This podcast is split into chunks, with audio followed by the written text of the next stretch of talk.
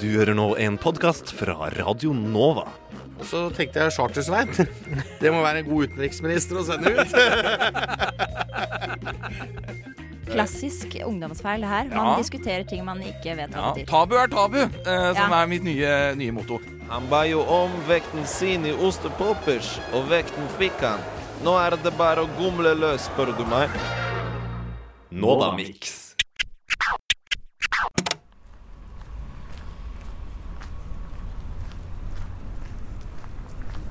Våren har kommet, dere. Februar er blitt til mars. De Lillo sa en gang at ja, så har det blitt vår. Og det har det blitt i år òg. Og jeg går ut for å se om jeg finner noen vårtegn. Jeg beveger meg til Vigelandsparken. Det er jo ingen her. Jeg ser ingenting. Noen få mennesker går rundt, lufter hundene sine, og snøen laber lett. Eneste tegnet jeg finner på vår i Vigelandsparken, er noen ender som leker seg ved vannkanten. Vinteren har vært lang, og endene er slitne. De vil ha boller. Masse boller. Halla, gutta. Jeg har kjøpt bolle. Noen som er keen på noe Keen på noe hvetebasert bakst? Endene gir et hyggelig selskap. Men det varer ikke lenge før jeg må ut på jakt etter flere våpen. Takk skal du ha. Han, eh, han Jeg tenker SIO er stedet. Studentenes eh, treningshule. Jeg går inn. Det viser seg at um, å intervjue folk som trener, er ikke populært. Jeg har kommet meg til Cubaparken. Her er det um, Her er det jo heller ingen. Det er bare folk som går forbi på gjennomfart. Men mine venner N er også her. Hei, dere.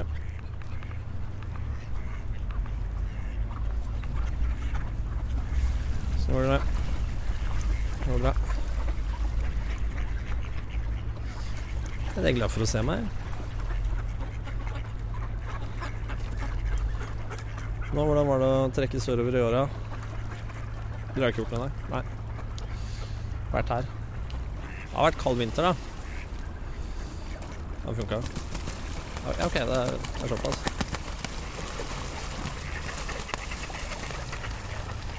Må ikke dere hisse dere opp for ingenting, gutter?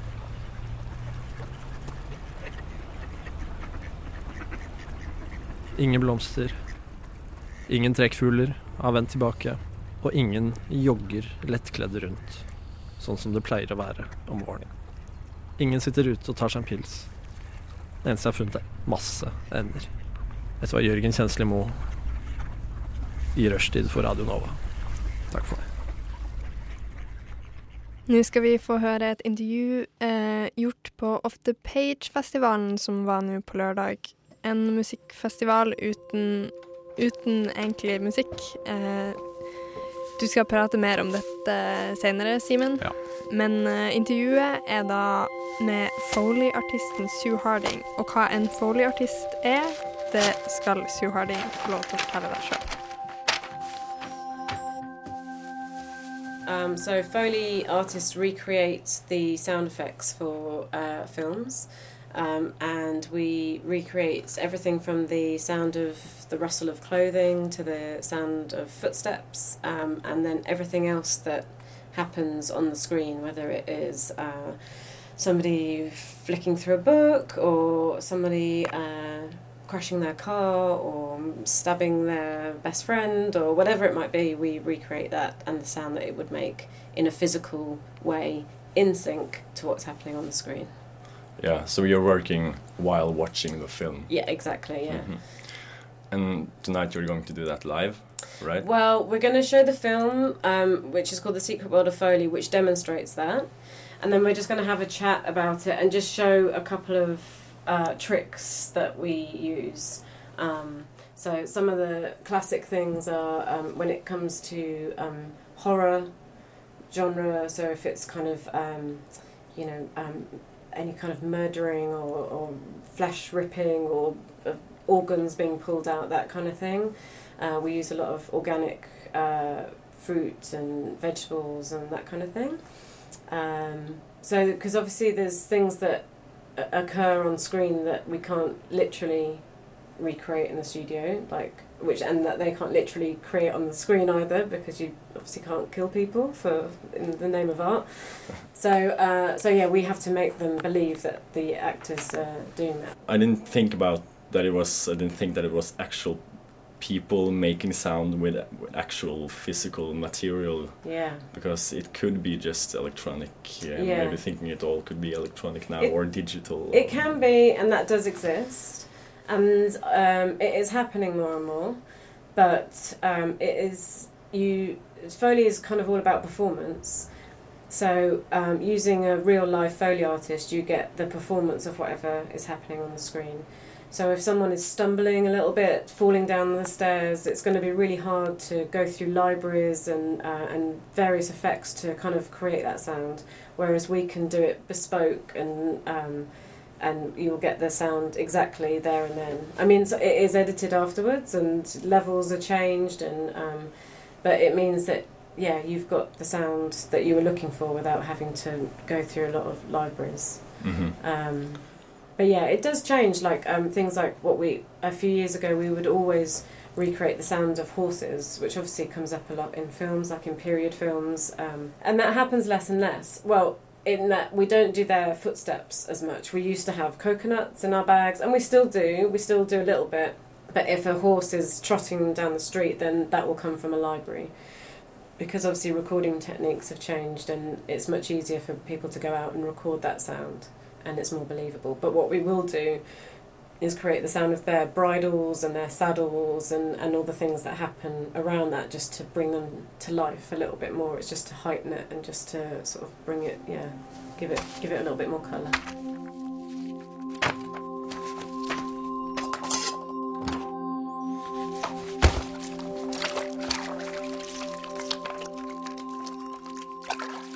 How did you become a Foley artist? Yeah, by accident. I wasn't l- looking to do anything. I've always been really interested and, and quite obsessive about sound and the everyday sound, in particular footsteps. Um, but yeah. Uh, yeah, I saw that one. Um, it was hard doing research on you because Uh, there's so little of you on the right. internet. But um, that one trailer for uh, for a documentary Oh, okay. where you where you do the footsteps or and, and some goo in the pirates. Right, in the for yeah for Pirates. Pirates, Pirates Band of Misfits, right? Yeah. Yeah, No, I used to I used to choose shoes for how they sounded, like not how they looked, and uh, and I've always been upset. You know, I'd walk on a diff- the other side of the road to everybody else because I preferred the surface and the sound of the surface and that kind of thing. Um, and then I was working in TV production, and I wasn't really enjoying it that much.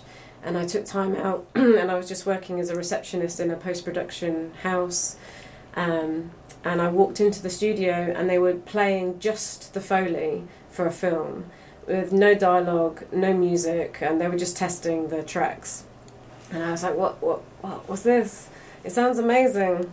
And um, they were like, yeah, this is just, and I, so I discovered it then and I kind of dropped everything then. And in London, there's maximum 15 Foley artists yeah. and that's you know and we've got a fairly busy film and TV industry. Um, France has, I think, a similar amount, and there, there's a few. And there's a guy in Finland. I don't know if there's any in uh, in in Norway at all, but there's probably a, f- a few. But it's it's there's not many of us around the world, so it's quite hard to uh, to get into it. But does the film industry need more Foley artists? Uh, yeah, I mean, yes. Um, in London, particularly, I'm one of the newest, and I've been working for 12 years.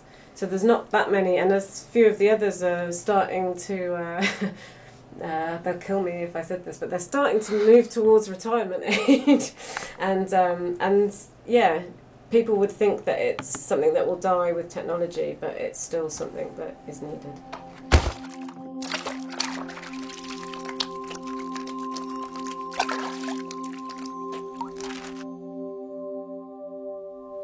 Do you have any Foley artist like um, inspirations, idols? Yeah, I mean the guy who um, they're screening this film, The Secret World of Foley, tonight. Uh, and the guy that I'm uh, performing with in that is a guy called Pete Burgess, um, who was like my mentor. Um, and he's worked on everything Batman, Harry Potter's, all the, you know, uh, Bonds, all the big films, as well as lots of like other little stuff as well. And he's a master at his craft. Um, and I was lucky enough to meet him really early, and he well, I think he allowed me to follow him around, but I did anyway, even if he didn't. And um, and he and he was really open and really giving with his knowledge, because some of the other foley artists perhaps um, are a little bit closed. They're a little bit nervous of new people getting involved and learning the dark secrets. I don't know if that's true, but I think that you know we're freelancers and we're protective of our work. And um, but but Pete and his partner at the time, Andy Derrick, um, were both just um, yeah. They were like, try this, darling. Put this on. Like walk like this. Do that. But their main um, bit of advice was um, to become the character on the screen and you always get a better performance if you believe that it's you up there, which is a bit odd, but it's true. You get Yeah. a better sound if you're if you're really in it. That's the key trick. That's the key trick. It changes everything. Mhm. And sometimes like we'll be working and you know because it can take a few goes to get the right thing. Sometimes. Um, and the the guy that's recording me will be like, oh, you know, it's not quite got the feeling or something, and I'll probably be thinking about what I'm going to have for lunch or something like, and then I stop myself and re-engage, and he's like, okay, got it, you know, and it just takes that sometimes, you know, because everybody just your mind wanders, but as soon as you okay focus on what you're doing, everything is better. Your sync is better, your performance is better, and your sound is better.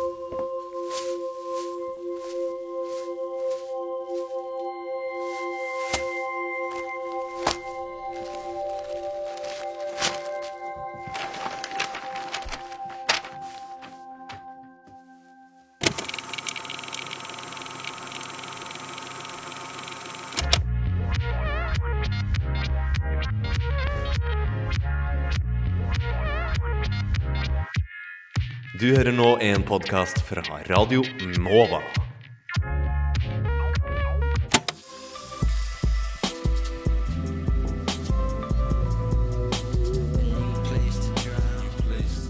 Nordisk noir er ikke lenger forbeholdt Skandinavia, som på mange måter har leda vei både litterært, på fjernsyn og på film. Der hvor Broen, Jo Nesbø, Forbrytelsen og Stig Larsson har leda vei fra Skandinavia, har stilen økt i omfang og popularitet. Amerikanske film- og TV-selskaper har prøvd å gjenskape den mørke og mystiske skandinaviske følelsen gjennom remakes av f.eks. Broen, Forbrytelsen og Millennium-trilogien.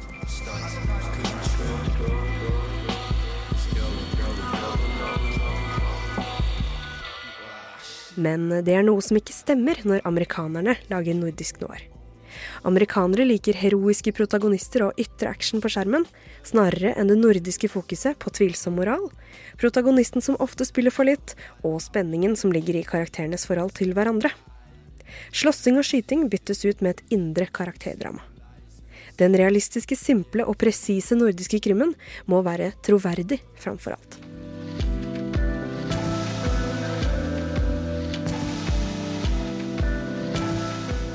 Riktignok heter sjangeren nordisk noir, ikke skandinavisk noir. Så hvilke nasjoner lager egentlig god nordisk krim? Når det gjelder litteratur, dominerer fortsatt Skandinavia. Men i det siste har fokuset skifta til TV-mediet, hvor andre nasjoner tar over stafettpinnen. Dwi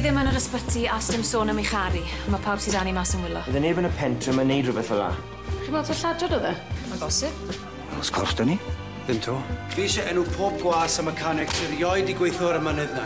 Ni'n wylo am Jenny James? I Storbritannia har krim på TV lenge vært populært, og vi kjenner alle den særegne stilen til TV-programmer som Med hjertet på rette stand, Poirot, Mord og mysterier og Inspector Morse. Den walisiske TV-produksjonen Eagle, eller på engelsk oversatt til Hinterland, er et forsøk, og et godt forsøk som sådan, på nordisk noir. I regntunge bare sletter i Aberystwyth på vestkysten av Wales følger vi politibetjent Tom Mathias, som forsøker å komme til bunns i en rekke mord og mysterier i et ellers så fredelig tettsted. Serien er tospråklig og benytter seg både av walisisk og engelsk. Plottet og karakterene er enkle, realistiske og troverdige. Landskapet er forblåst og ensom, og fungerer nærmest også som en karakter.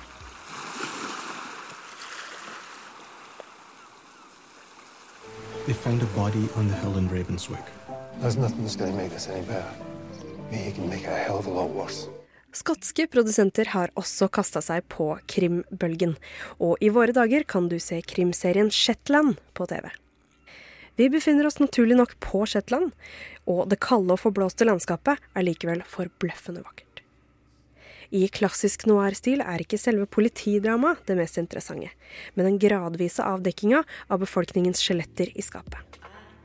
Den sammensveisa gjengen på den lille øya skjuler alle noe. Men hva? Språket er skotsk, og serien føles autentisk og virkelig.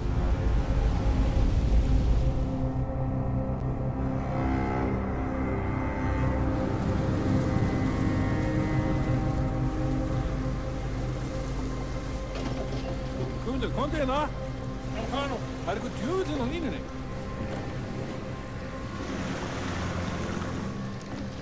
Fundu lík. Það er eitthvað verið myrtur hérna í ferðinum. Heldur hann sé á ferðinni?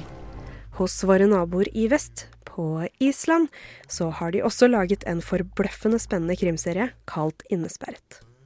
Også i denne serien følger vi en liten politibemanning på tre personer. Politibetjentene flytter vanligvis papir, for i det lille islandske tettstedet så har de notorisk lav kriminalitet. Men en dag, samtidig med Smyrildferja, så finner de en torso i bukta. Men hvor resten av lemmene er, og hvem som står bak mordet, det er opp til den lille lensmannsgruppa å finne ut av. Under overflaten av det allerede groteske mordet, så viser det seg at saken er enda mer innvikla, og den lokale tjenesten trenger raskt hjelp fra politiet i Reykjavik.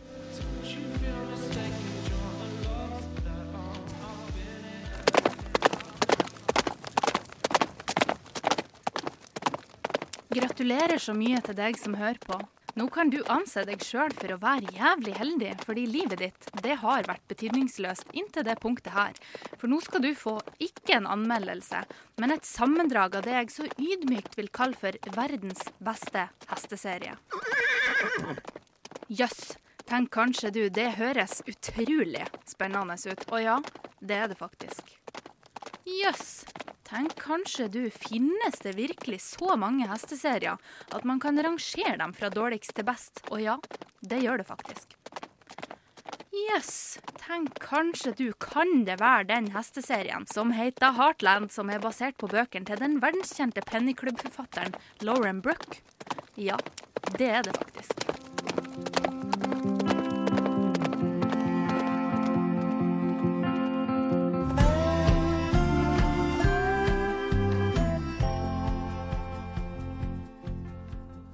Heartland handler om hestehviskeren Amy Fleming og hennes familie som bor på en ranch i Canada.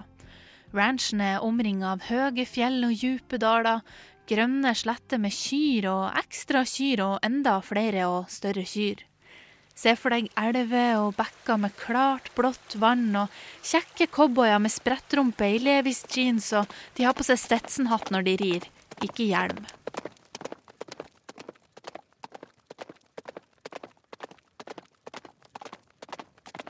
Og jeg vet hva du tenker nå. Herregud. Det høres ut som et fantastisk bakteppe til en utrolig bra serie. Og det er akkurat det det er. Det er en utrolig bra serie. Drøvtygging har aldri vært mer spennende. Serien begynner med at Amy og mora hennes, som òg er hestehvisker fordi sånt går jo åpenbart i arv, de skal hente en mishandla hest midt under en grusom storm. For i tillegg til å ha masse kyr på den ranchen, så driver de òg med rehabilitering av mishandla hester. Når de har henta denne hesten, så blir det faktisk så jævlig dårlig vær at de ender opp med å krasje i et tre, og mora dør, og det er veldig trist.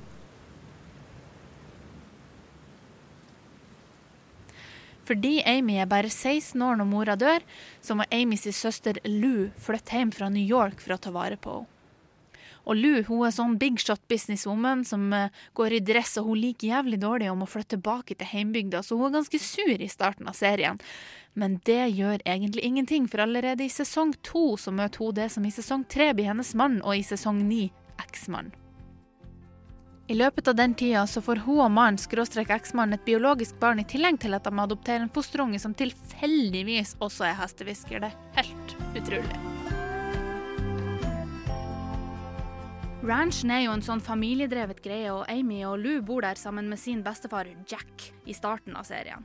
Jack er en skikkelig godklump av en cowboy som eh, har bred beinstilling og stor bart, i tillegg til at han ofte tygger på strå og ser ut som han er kun 50 år gammel. Jack er en skikkelig real kar og vil gjerne hjelpe alle som hjelpes kan. Og da sier jeg enter badboy Ty. Ty kjører motorsykkel og har på seg skinnjakke, og han har langt hår. Han kommer rett ut fra ungdomsfengsel og skal være på prøveløslatelse hos Jack og familien. Han skal bli deres nye ranch hand. Og I starten så er han selvfølgelig skikkelig sur, sexy og talentløs. Han har aldri sett en spade eller tatt på en hest før. Han krangler masse med Amy, men selvfølgelig så er de meant to be. Og i sesong åtte, etter Ty åpenbar har blitt det han skal bli, som er veterinær, så gifter han og Amy seg. Sist, men ikke minst, så må vi ikke glemme Tim. Tim er Amy og Lou sin udugelige rodeo star skråstrek bull rider no good dad som har vært ute av livet deres i mange, mange år. Og da kan jo tenke dere hvordan det blir når han plutselig kommer tilbake. Vi følger altså familien Flemming og deres liv i løpet av ni sesonger, og akkurat nå er vi midt i den siste sesongen, og serien har faktisk blitt fornya til en sesong til, minst. Dette er faktisk Canadas lengstlevende entimes TV-drama gjennom tidene, og hvordan er det mulig, spør du, at en serie som dette kan gå over ni år? Vel, det skjer utrolig mye spennende i løpet av de her ni årene, og jeg nevner i fleng flystyrt, mer enn én hest som dør, flere vådeskudd og vanlige skudd, en skilsmisse, en ukjent halvbror, utallige stormer, uvær, to hjerteinfarkt, et ungdomsbryllup, utroskap, husbrann, alkoholisme og ikke minst narkotikamisbruk.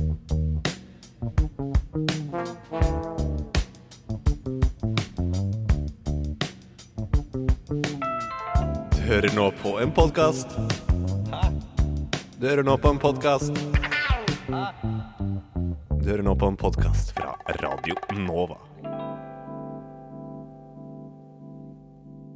Det skal handle om internett. Et fenomen som definitivt har kommet for å bli. Ja, og nærmere bestemt skal det handle om branding på internett. Og vår seniorreporter Nils Tanja Olsen har mer. Da jeg var ung, var branding noe man gjorde med hekser og ekskoner. Vel, det var en annen tid.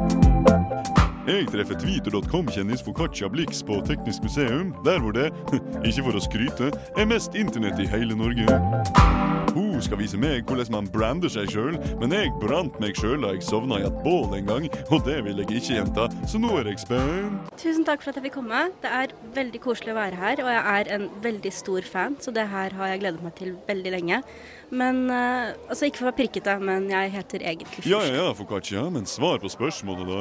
Mm, Hvilket spørsmål var det? Altså, jeg beklager, jeg hørte ikke så veldig godt etter. Jeg ble litt distrahert av øynene dine, Nils Tanja. Mm.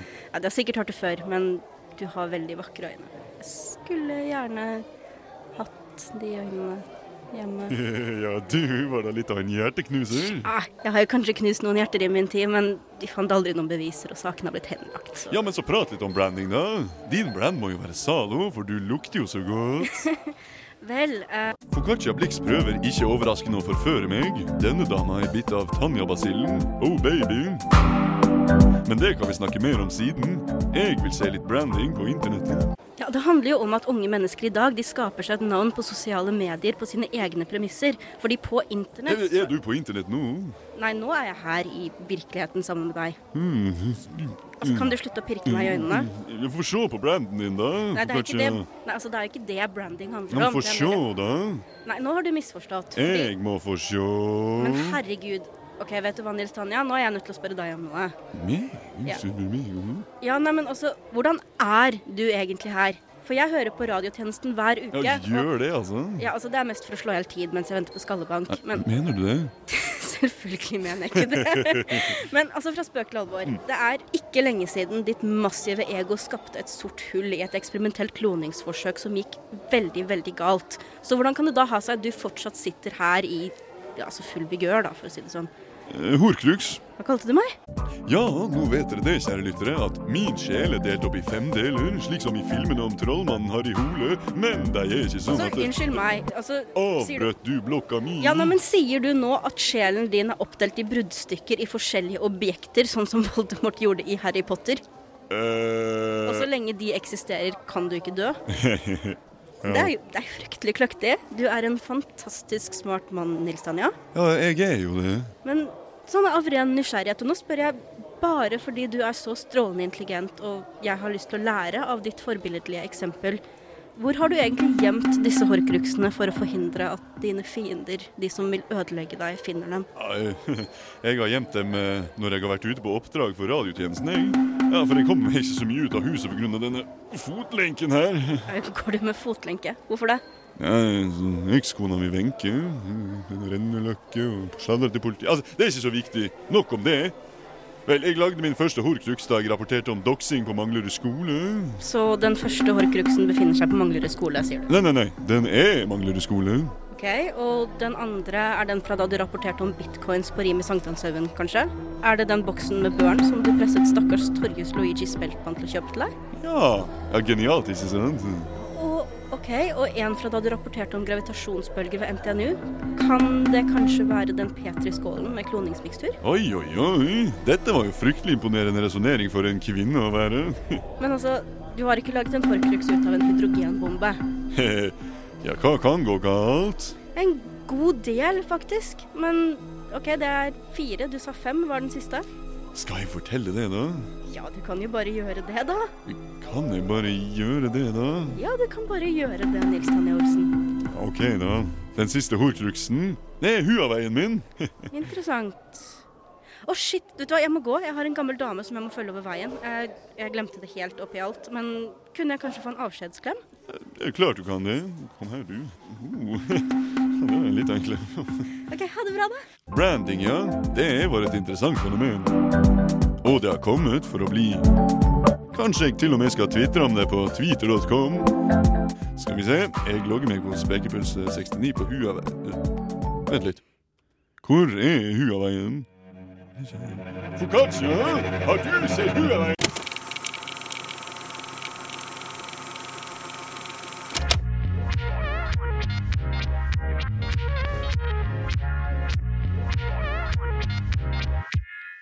Du hører nå en podkast fra Radio Nova.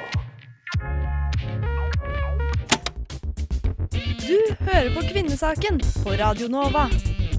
Heidi Nordby Linde hun er jo de store høyrefeministene. Og hun har jo sagt at 8. mars er hennes Eller 8. mars-prosjektet for liberalfeministene, det er dødt. Men Anna, du sitter jo her og er egentlig litt uenig i det. Hvorfor eh, er ikke 8. mars dødt for eh, liberale kvinner? Eh, jeg tenker jo det er, det er jo noe av det vi snakket om litt tidligere, at, at høyresida var litt sånn var litt fraværende i en periode, og så ville man komme litt tilbake. Og så så man at det, det bød på på noen utfordringer, og man følte seg kanskje ikke så velkommen. Og så har jo en del fra Høyre valgt å si at nei, dette bare gidder vi ikke. Men, det er på en måte ikke et eh, alternativ for meg, da. Og, ja. Har det da litt med velvilje å gjøre? Altså viljen til å gi og ta, og ikke bare kreve sin stemme? Eh, jeg skal ikke liksom uttale meg på, på vegne av henne, men for meg så handler det om at eh, jeg mener at jeg er en del av kvinnekampen. Og jeg syns at eh, 8. mars er så viktig at jeg kommer til å eh, kjempe til jeg føler at jeg også er en del av kvinnekampen. Kanskje på litt større Ja, litt mer enn jeg føler jeg er i dag. det, jeg må bare si at det er veldig fint å høre. Eh, som 8. mars-komiteen som prøver å skape brei allianse rundt 8. mars-bevegelsen, så tenker jeg at eh, tips er egentlig til alle som hører på nå. Eh, hvis man ønsker å være med i 8. mars-arbeidet, så har man også komitémøter for parolemøtene. Da man eh, skal i arbeidsutvalget, og det eneste arbeidsutvalget gjør, er jo ikke lage parolemøter. Vi lager jo et helt tog og mange flere ting. Eh, så det er mye arbeid rundt 8. mars. Så alle som ønsker å være med og faktisk lage det, og dra lasset sammen med oss, er velkommen i dette. Og jeg håper veldig mange flere som både identifiserer seg med forskjellige politiske partier, men også som bare er eh, kvinner som har lyst til å være med på det arbeidet, kan bli med oss. Gå inn på 8. mars-komiteen i Oslo på Facebook, så finner dere oss. Så det er ingen grunn til å gi opp, egentlig? Altså, Den liberale feminisme er ikke død? Nei, for det er så utrolig mange viktige saker og så utrolig mange viktige kamper som man fortsatt må ta. Og jeg mener at de kampene er så viktige at vi ikke kan eh, la venstresida kunne få jobbe med dem. Der må vi liberale feminister også komme med og ja, påvirke. Så jeg har funnet et eh, sitat fra Gro Hagemann, som da har blitt nevnt tidligere av hun eh, Hilde. og har vært en veldig viktig skikkelse, særlig da 70-tallsfeministene. Og hun, det her er fra 2012, så det er litt lenge siden. Det er før den reservasjonsrettdebatten. Men hun mente da at det står ikke lenger noe på spill på samme måte som tidligere 8. mars. Eh, at hun mener er mer en, en, blitt en feiring enn en, en, kampdag. Men dere sitter her og prater om at det er kamp, og det er politisk. Handler det litt om at vi er liksom feminister av dagens generasjon? Jeg tror, hvis man, eh, nå, nå, jeg tror da, hvis man har kjempet mange kamper, og så har man kanskje vunnet dem, så føler, vil man feire det, og det er veldig flott. Og det må vi gjøre. Men likevel så er det jo ganske mye som står på spill. Altså Vi som sitter her, har jo snakket mest om de sakene vi er enige om. Men vi vet jo at det fins uenighet om f.eks. sexkjøpsloven. Eh, det fins uenighet om eh, mange andre saker eh, som vi snakker om på 8. mars. sånn at det er mye som står på spill. Her er det en lov som mange syns er veldig viktig. Her er det vern mot kvinner som er i prostitusjon. Her er det snakk om at vi krever flere hjelpetiltak, sånn at de som ønsker det, kan komme seg ut av det. Store saker som står på spill. Eh, og solidaritetsperspektivet i tillegg eh, er kjempeviktig. Så, så, jeg tenker at jeg kommer til å feire. Jeg kommer til å gå på Ladyfest etter 8. mars-toget og danse som bare det. Men før det så skal jeg kreve min rett, og så skal jeg jobbe for at de andre kvinnene som ikke kan være der den dagen, også skal oppnå frigjøring. Ja, jeg er helt enig med Seher. Vi har ganske mange saker å fortsatt jobbe for. Og Seher nevnte jo noen av de, og vi har tidligere nevnt andre. Men hvis du også da ser til USA og, tar inn et litt nytt perspektiv i dette, så er det sånn at hvite, i hovedsak republikanske menn, har gått til en ganske organisert kamp mot kvinners abortrettigheter. Det er faktisk så organisert at de er blitt kalt liksom the war on women. Og deres abortrettigheter i enkelte stater er helt vanvittig skrenka inn. Så jeg er jo også litt redd for at hvis man ikke har en bevegelse som er der, som presser på, og som viser at vi er store og kampvillige, så kan det da skje eh, inngrep i rettigheter vi allerede har. Da. Det skjedde jo nettopp eh, ett eller to år etter eh, det sitatet du leste opp med norske angrep på reservasjonsretten. Og da viste det man seg og var veldig liksom, knallharde og på ballen med en gang. Og det er jo også derfor jeg mener dette er viktig. da. Fordi hvis vi er borte, hvis vi er usynlige, hvis ikke vi snakker om disse sakene, så tror jeg det veldig lett blir glemt, og så veldig lett blir gjort noe med. da. Og så er det utrolig mange globale kvinnesaker som er uh, kjempeviktige. Det er fortsatt uh, eh, 60 millioner uh, jenter som er utenfor skolen. Jenter blir omskjært. Og det er en helt annen verden å være kvinne i, i mange andre land enn Norge. Selv om det er kjempemange viktige saker i Norge òg, så kan ikke vi tenke at ok, nå har vi kommet så langt i likestilling i Norge at nå gidder ikke vi mer. Vi må stå opp for våre søstre som ikke har det så godt som vi har. Så selv om de store sakene ikke kanskje alltid står på spill i Norge, så står det mye på spill i en større sammenheng som vi er nødt til å fortsette å fokusere på. Det er jo, det er jo eh, nå som vi er på sitater, det er en veldig fin stat at ingen av oss er frie eh, så lenge alle ikke er det. Og det tror jeg vi skal ta med oss. Det var fint punktum, egentlig. det. Ja, det var et superbra punktum. Kanskje vi bare skal runde litt av der. Ja, hva, hva syns du om eh, årets uh, parole? Jeg er glad for uh, hovedparolen som står foran her. Feminismen er grenseløs. Gi vern til kvinner på flukt. Det er så viktig å ta alvorlig. Derfor skulle det vært stappa fullt her. Og jeg håper det kommer mange, mange som stiller seg bak eh, den parolen. Hva syns du om slagordet, da? Syns du at det treffer på en god måte? Ja, det syns jeg så absolutt. Ja. Da er André Andrea og jeg eh, på Jungstorget. Det er da 8. mars og den store kvinnedagen. Vi skal eh, se på hvilke slagord som er i, i toget i år, og hvilke taler som skal holdes. Og så skal vi forhåpentligvis få noen folk i tale. Yes. Vi vil introdusere litt her først, da. Ja, da står vi her med Vil du si hva du heter? Eller? Mathilde Klemetsen. Mathilde Klemetsen. Uten H og med C. Uten H og med C. Det er viktig, eh, det er viktig det, med ord. Eh, Hva syns du om eh, hovedparolen i år? Jeg syns den er veldig fin, fordi den eh, dekker over veldig mange kvinner. Og eh, er, handler ikke bare om en interesse. Eh, den, den er ledig til alle kvinner som er på flukt, som er spesielt utsatt. Kvinner på flukt er spesielt utsatt for eh, å bli vanskeligstilte. Så derfor liker jeg den. Hva syns du om, ord, om ordvalget i, i parolen? Um, det, ordvalget er flott. Eh,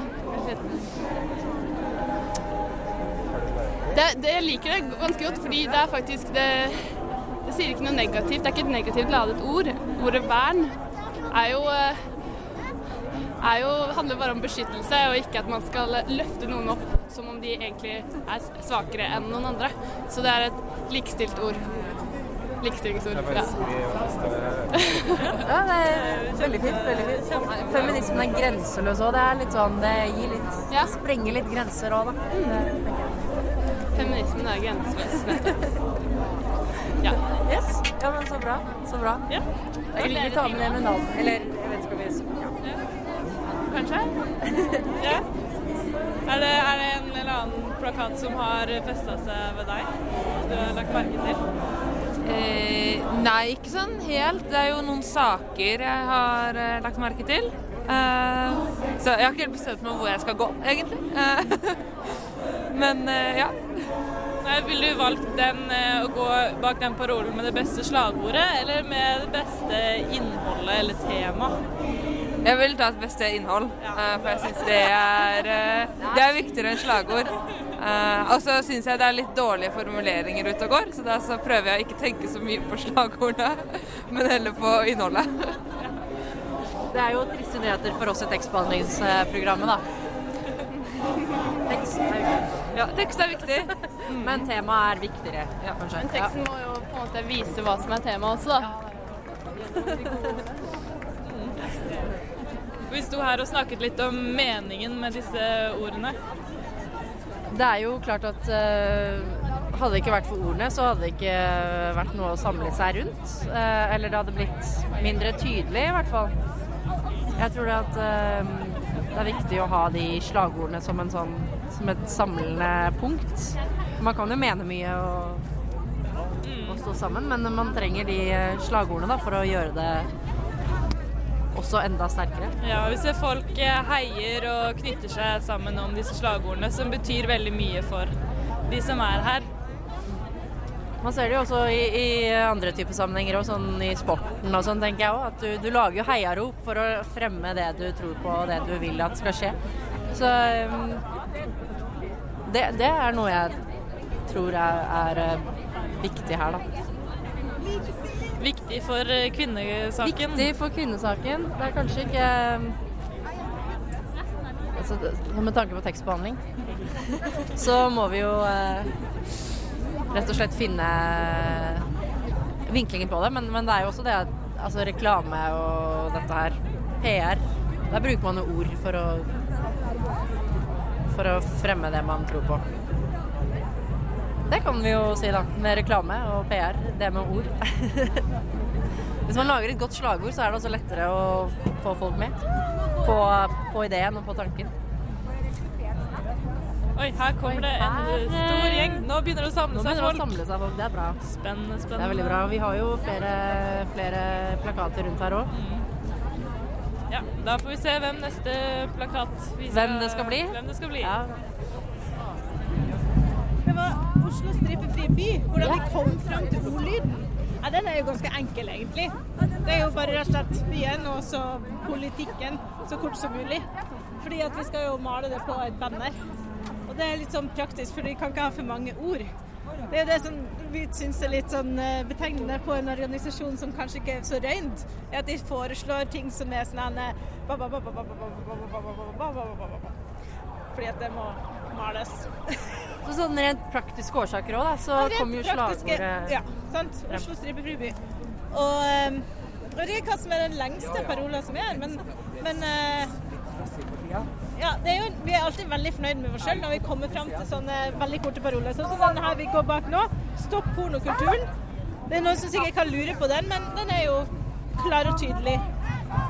Her kommer vi! Her kommer vi!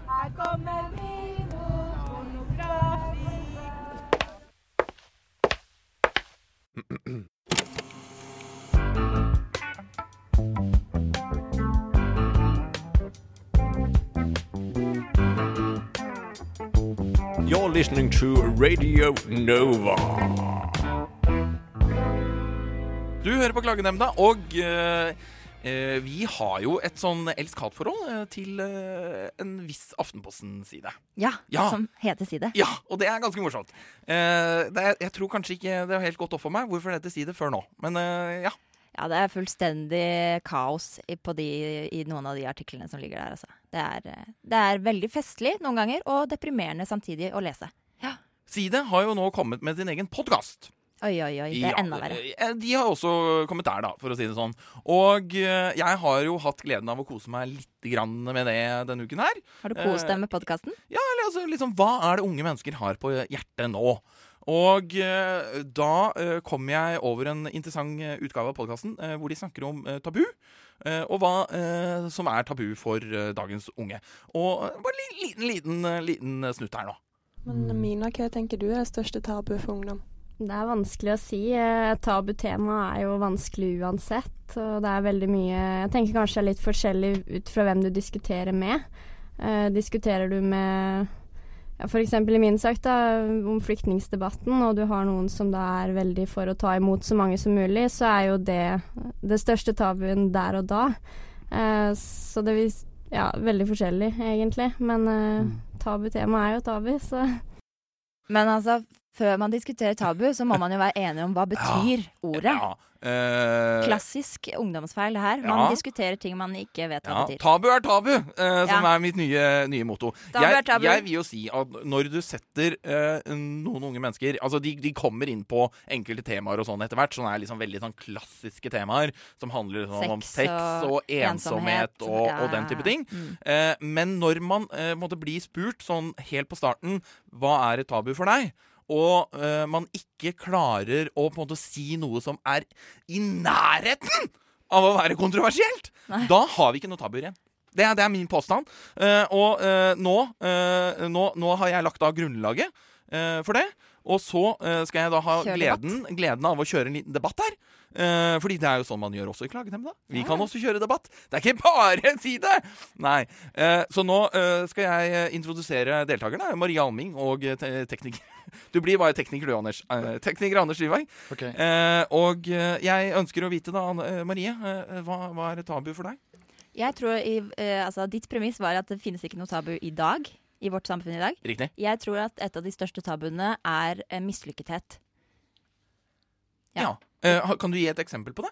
Nei, da tenker jeg mye på sånn eh, Altså alle sosiale medier som man bruker på å vise fram visse sider av seg selv. Veldig få som på en måte går inn i det derre hva, er- hva er det jeg virkelig ikke får til? Eller hva er jeg dårlig på? Altså det, det gjemmer vi. Det blir vi opplært til å bare ikke snakke om.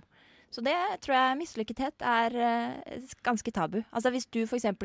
hadde eh, plutselig mistet jobben din, eller eh, det hadde skjedd et eller annet som eh, hvor du bare følte at, at du var en dårlig person, så, så tror jeg det hadde sittet langt inne å liksom bare si ja, nå føler jeg meg kjip. Nå er jeg, nå er jeg ikke god nok i samfunnet. Altså, Jeg er helt satt ut av hvor godt svar det var. Eh, kan jeg må moderere mitt utgangspunkt etterpå. Ja, mulig. Eh, Anders, eh, eh, hva er et uh, tabu for deg? Eh, kan du konkretisere også? Um, ja, jeg tenker jo at kanskje en forlengelse av det Marie sa, men um, i verdens rikeste land så velger vi å tenke at fattigdom er et tabu. Det å være fattig er tabubelagt. Jeg er jo superfattig. Ja, altså, jeg, jeg kjenner jo ganske mange fattige mennesker, men jeg kan jo godt se for meg at i enkelte kretser eh, så, Så er kan det det være tabu, ja. tabu. Det er jeg helt enig i. Og det, er jo, og det er jo en grunn til at man har sånne programmer som Luksusfellen, f.eks. Altså, det er jo Mm. mange som har gått inn i den luksusfellen nettopp fordi man ikke kan eh, tillate seg å ha en lavere standard enn et visst nivå, da. Mm. Ja. Nå sier jo ikke jeg at vi er et representativt utvalg for den norske befolkning. For Jo, det du sa helt- det i pausen. Ja, jeg sa, jeg, jeg, jeg, jeg, sa det, men vi er jo ikke det. Vi er jo altfor kule for det. Ja. Uh, men la oss, nå, la, oss nå si vi er det. Altså, De tingene dere nå trekker frem, hadde jo jeg i utgangspunktet ikke hatt noe imot å prate om. Eh, vil ikke det være et argument for at det ikke er tabu? Nei, men det vil alltids finnes folk som kan eh, prate om et tabu. Men spørsmålet er gjør man det som et samfunn, som helhet i samfunnet, liksom. Er det Vil du ikke føle at liksom, det er noe i deg som eh, bremser litt opp, hvis du skulle lagt ut et skikkelig flaut øyeblikk eller et forferdelig øyeblikk på Facebook, eksempel. Hadde du gjort det uten kvaler like mye som du bare skryter av klagenemnda eller sånne ting? Nei, men, men jeg, nei, det er sant. Altså, Jeg hadde nok ikke på Facebooken min lagt ut at f.eks. Hvis, jeg- hvis jeg så for meg at jeg skulle få en lønnsforhøyelse, så ville jeg kanskje ha lagt ut at «Hei, lønnsøkning! Yes, jeg spanderer Men hvis jeg hadde fått beskjed av sjefen min liksom, Nei, beklager, men du får ikke lønnsøkning, for vi verdsetter ikke innsatsen du gjør. Så hadde jeg kanskje ikke gått bredt ut med det. Men samtidig så hadde jeg kanskje ikke hatt noe i det handler litt om konteksten, da. Så jeg hadde ikke hatt noe problem med å prate om det her. Her, Her i sammen med programmet? dere. Ja. For jeg tenker at dette er et program hvor vi kan ta opp denne type ting. Mislykkethet? Ja, men da ville du jo klagd over det og hatt en viss ironisk distanse, tenker jeg.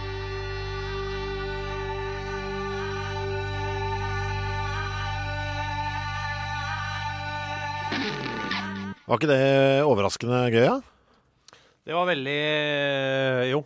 Jo. Mye, det var veldig mye på en gang. Ja, men altså, var jeg var så fascinert av at det var så mange forskjellige partier. Og ja, det, det var så mye mer sofistikert enn det man skulle tro. Det burde vært enklere, og så burde det vært spinklere lyd. Ja, jeg er enig. Og det var litt eh, den fusketaren i starten her og sånn. Overraska Mm. meg litt, den òg. Burde, ja, burde han eh, Altså, jeg er glad for at han gjør, gjør det, men han burde jobba mindre med, med koringene. sånn, ja, men sånn slik jeg husker det. Å, ja. Eh, altså sånn eh, For å opprettholde det bildet jeg har av Pogopops, Ja. så skulle jeg, hvis, hvis det var et mål for meg, så ville jeg ønsket at han hadde jobbet mindre med koringene. Jeg skjønner ikke hva du prøver å si. Jeg sier at han, eh, koringene var mye bedre enn jeg huska. Å ja, OK, ok, nå er jeg med. Ja. Eh, hvis vi nå, det er kommet en, en dude her i studio. Er du, det er det her jeg skal eh, Duderino, en kis. Nå En skal cal. du gjette. En cal. Da bare, ikke si hva hva det heter, bare prat litt. Hallo? Det, er- det er ikke nok. Er det ikke nok? Det er ikke nok. Prat uh, mer. Hallo, Alexander. Ja. Hjelper det litt på? Er det en kjent stemme for deg? På litt vis? Jeg synes du var litt dypere snakka. Har du alltid snakka så dypt? Nei, jeg har blitt eldre, vet du. Ja. Litt tettere på mikken. Litt tettere. Du har glemt å jobbe Ja, ja. Du jobber med mikrofoner da? Ja, ikke så mye nå. Ja, bortsett fra synging, da. Mhm. Ikke så mye radiomikrofoner. Jeg har, eh, kan jeg stille noen kontrollspørsmål til deg, du fremmede? Ja, Gjør det. Har du blitt slikket på av Frode? Ja, det er jeg helt sikker på. Du var i telefon, eh, og jeg sleiket deg midt oppå hodet. Eh, Midt oppå hodet, Ja. ja. velkommen til oss. Det er mange år siden sist. Ja, det kan jeg godt eh, tenke meg. 18 år eller noe sånt. Ja. Eh, Ja. hvor, hvor, har du begynt med musikk, du som før hadde programmet Skumma kultur? Mm, ja, jeg starta i musikkredaksjonen i Radio Nova en gang òg, vet du. Så jeg, Jeg, jeg sier det bare, musikk. altså. Det er Christer Gilje som har kommet på besøk. Ja, det må du kanskje si. Ja. Ja, ja, ja. Så bra. Var du noen gang redaktør for denne kanalen? Ja, ja, ja. På hele? Redaktør eh, og daglig leder har jeg vært. Så du har vært sjefen vår? Ja. Jeg, jeg vet ikke om dere lot dere sjefe så veldig mye over, men eh, Var du sjefen vår i de berømte bæsjeårene? Nei, det var Ragna. er du sikker på det? jeg, jeg husker det var noe bæsjing. Ja. Men eh, jeg tror da at det var, Jeg var sjef da det var suging, i hvert fall. Men det var ikke dere som Det gjorde det, det var- noen andre. Kan du fortelle Det litt om det? For dette husker ikke jeg. Hva var det? Det var, det var eh, en nattsending eh, på Radnova eh, i 97 eller noe sånt. Eh, hvor da man hadde bestemt seg for eh, at eh, noen gutter da skulle suge hverandre. Ja. Men eh, istedenfor å gjøre sånn som man ofte gjør på radio, liksom bare lage en sånn lyd, sånn at det høres ut som man suger, så, så måtte de gjøre det på ordentlig. Sånn at det ble en ekte performance. Dette var Eh, nattradio, eller? Ja, det var nattradio. Ja. Eh, Og dette var du sjef for. Spørsmål. Ja, eh, ja spørsmål, ja. Hadde ikke de gjest i studio òg? Og en tekniker som hadde sin første sending? jo, jeg tror faktisk det. og, og i god Radio Nova-stil, i hvert fall på 90-tallet, så ble jo dette allmøtesak. Ja. Eh, Så da satt vi vel 60 medlemmer av Radio Nova og diskuterte det over en tre-fire timers tid. Det som er fint, er at dette gikk jo som nattradio. Ja. og Det er ikke så mange som hører på liksom, som skal kose seg med å høre på litt nærradio på natta. Så det var nok flere som diskuterte det på det møtet i bakkant, enn som faktisk hørte det på radioen. Det syns jeg er ganske flott. Det vil jeg tro, ja. Hvem var Hva ble, gjesten? sa- hva ble, hva, ja, det her var mye. Hvem var gjesten, og hva ble Husker du det, utfallet? Frode? Jeg tror det var en fyr fra Bellona.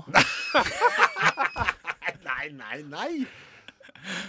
Hva, hva, hva, hva, altså, hva, hva, hva Hvem var det som Det skal sies at dette er bekjente av Pelikanen, eh, og de hadde relasjoner til Bellona fra før. Ok.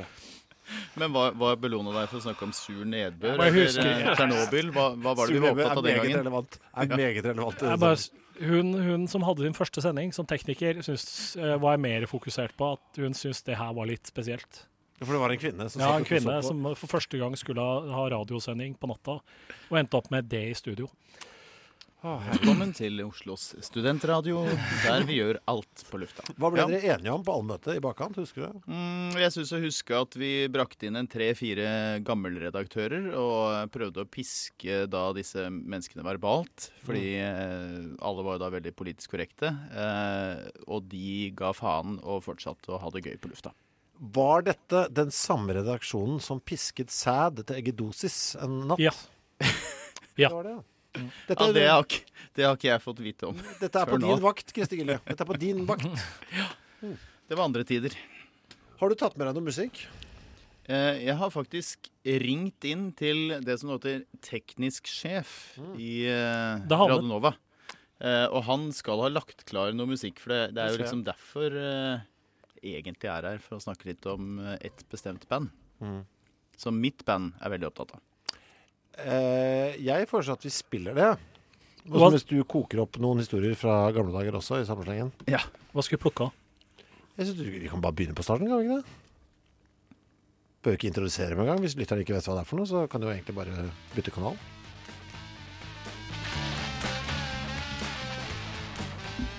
Nå faen Christer Gilje, du er her i Du er her faktisk. Det er litt sånn Det er mange ting som er litt spesielt med at du er her i dag. For første gang så er det første gang vi har hatt en tidligere sjef som gjest, tror jeg. Mm. Det er veldig bra. Og så er det faktisk første gang vi har en representant for et coverband eh, på besøk i studio. Ja. Det syns jeg er litt gøy. Ja, for det er, jo, det er jo det jeg driver med. Jeg er jo sånn 40 pluss som ikke har spilt i band på veldig mange år. Mm. Eh, og trikset da for å komme i gang igjen, det er istedenfor å liksom samle seks stykker som skal sette seg ned og se jeg har et riff, og så skal man drive og krangle om hva slags musikkstil man skal ha og sånn, så sier man la oss lage et band som spiller f.eks. Stooges sine låter. Var det et annet alternativ oppe? Nei. Nei, ok. Vi har snakka om i fem år, jeg og han som er bassist, om at vi må lage et Stooges-band, for det er jo det beste bandet i verden. Mm. Ja ja, det skal vi gjøre. Mm. Og så, for halvannet år siden, så møtte vi noen andre som skulle være med på det, og så starta vi opp, og så forsvant noen, og så fant vi noen andre, og så til slutt så ble det et band av det. Er det også Iggy Solo med i konseptet? Nei, det er veldig strengt. Det er, det er Stooges fra de starta opp på slutten av 60-tallet, til de forsvant inn i heroinrus og faenskap eh, sånn i 73-74. Ikke noe fra de nye Stooges-platene. Eh, de hører jeg ikke på engang, for det er liksom ikke ekte. Eh, også ikke fra Iggy-platene. Og vi har hatt en krangel, da.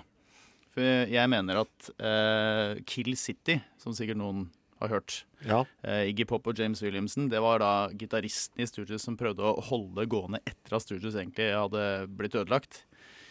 Den plata syns jeg er innmari kul, men eh, de andre syns at det låter litt sånn Stones. Ja. Så låtene derfra, det får ikke lov til å spille det heller. Enda du vil. Ja, ja, ikke sant. Jeg prøver å være bandleder, men så har alle litt veto likevel.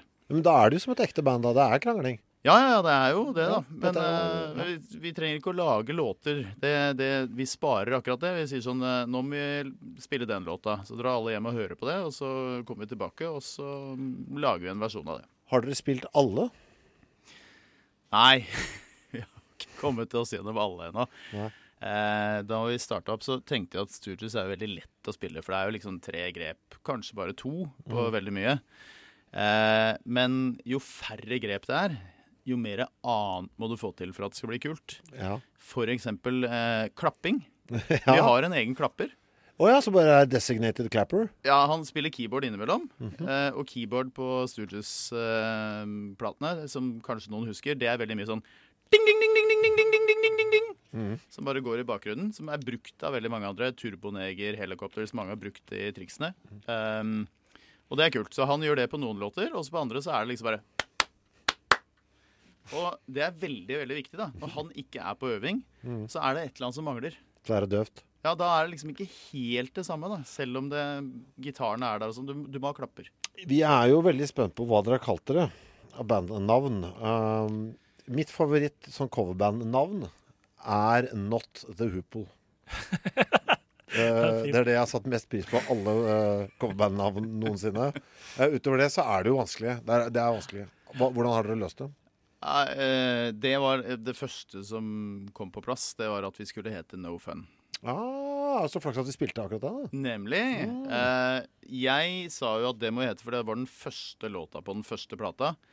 Det viser at det er den første låta på B-sida på den første plata. da. 1969 er egentlig på A-sida. Men eh, likevel, det er liksom Jeg tenker at det er der det starta. I tillegg til at det er litt kult å ikke love noen ting. Nei, i kveld blir det ikke spesielt Nei, ikke sant? Hvis noen kommer på konsert og sier ja, men dette her var jo ikke noe kult. Nei, vi sa ikke det heller. Nei. Vi lova dere no fun, og Ja. no fun var det dere fikk. Hva, hva, hva, hvorfor, hvorfor Sturges? Du, du hadde en teori Du sa jo det når vi spilte Fun i studio her, at dette, dette er, er verdens beste band. Eller var. Ja, jeg mener jo at uh, det fins ingen gode rockeband som er danna etter 1974, som, som ikke har på en eller annen måte inspirasjon fra Sturges. Det er ikke sikkert de spiller samme stilen, men attituden eller ønsket om å være Iggy Enten den altså det å liksom kunne kaste seg rundt på scenen og ut blant publikum og bli elska for det, eller å dra damer på samme vis, eller å ha like stor tiss på han, altså Har. Iggy så stor penis? Ja Oi, har- du blar i papirene dine. Jeg har et veldig bilde skremmende her hvis du skulle være Har du med deg et bilde av Iggys penis? Ja, jeg har det her. Jeg har en hel bok der, ja. med ikke, med ikke med penisbilder, men med en, eh, Iggy Pop. Det var en eh, tykk liten godbit mellom beina. Men hva, Ja, hva, og hva det det, snakker vi altså, Frode, ser du Er, Eh, er det grillpølse? Er det brusflaske? Brusboks? Hva er det? Det var ikke så lang. Jeg tenker mer som en Pepsi Max-boks. Pepsi Max-boks, ja. Men, men han er veldig glad i å, å vise fram det også. Men jeg tenker at eh, alle har på en måte Lyst på en kubbetiss. hatt lyst til å være Iggy eller å spille som Stooges eller å ha energien til Stooges. Det, jeg tror det gjelder, da. Sånn at det er på en måte en sånn derre start på alt. Det som var før det, var også Det kunne være rock, og det kunne være kult, og det er mye fin garasjerock og sånn, men, men Studios tok garasjerocken inn i et mer møkkete univers. og sørga for at punk og hard rock og skandirock for den saks skyld kunne ikke hatt uh, sånn som Jeg syns Glucifer er litt inspirert av det, men Omen, det som var før Glucifer Hør på Wawa-bruken der, f.eks. De var jo gærne til Stooges. De må ha hørt utrolig mye Stooges. Det husker jeg. Når vi var nede og lagde en, et eller annet intervju med dem nede i øvelseslokalet deres. Det var et Stooges-gnål uten like. Nemlig. Du hadde med deg en bok. Er dette en bok du vil anbefale til eh, fans av bandet? Jeg har ikke sett den. Uh, ja, dette her tror jeg Hvis du, hvis du bare skal lese én Iggy Pop-bok, så uh, kjøp uh, 'Open Up and Bleed' av Paul Trinka. Trynka, eh, står det her. Eh, han har også skrevet biografi om David Bowie. Eh, han kan liksom alt om de De var jo litt sånn twins, ikke sant, som beundra hverandre, og noen påstår at de hadde seg. Jeg tror de bare De oppførte seg som en nattsending på Radio Nova. Ja, det er det litt grann og sånn. Men, men av de Jeg leser jo en del om Iggy og Stooges, og det, dette er liksom høydepunktet, da. Leser du bare om Iggy og Stooges? Er det de eneste bøkene du leser? Nei, det hender jeg leser faglitteratur om eh, fornybar energi og strømnett og sånn i forbindelse med jobben, vet du.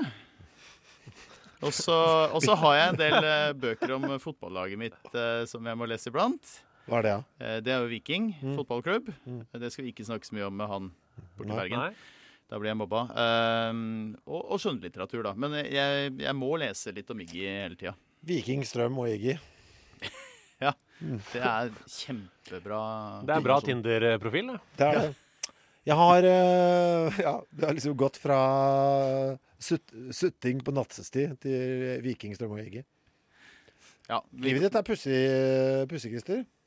Ja, det er litt sånn corporate, og så er, det, så er det liksom det å leke Iggy Eller jeg er vel mest opptatt av å være Ron Ashton, da. Ja. Den opprinnelige gitaristen i Stooges. Det er det jeg egentlig vil være. Bortsett fra at han hadde en del veldig spesielle hangups. Eh, de hadde jo et eget hus som het Funhouse, som andreplata er oppkalt etter. Der bodde de.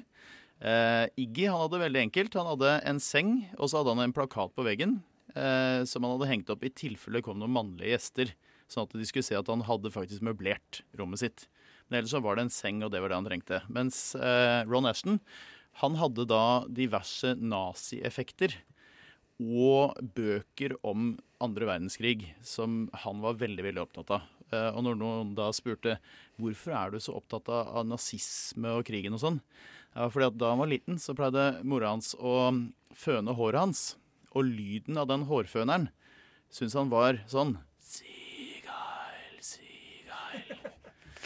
Eh, noen påstår at eh, han kanskje hadde litt mørkere humor enn andre, men den som var på besøk og hørte om dette, han trakk seg stille ut av Funhouse og kom ikke tilbake, etter hva jeg har skjønt. Du har valgt eh, låta 'Lus' her. Er det noe å si om den? Ja, det er der vi tar det over fra liksom garasje, tidlig punk, eh, til litt mer sånn hard rock, tenker jeg.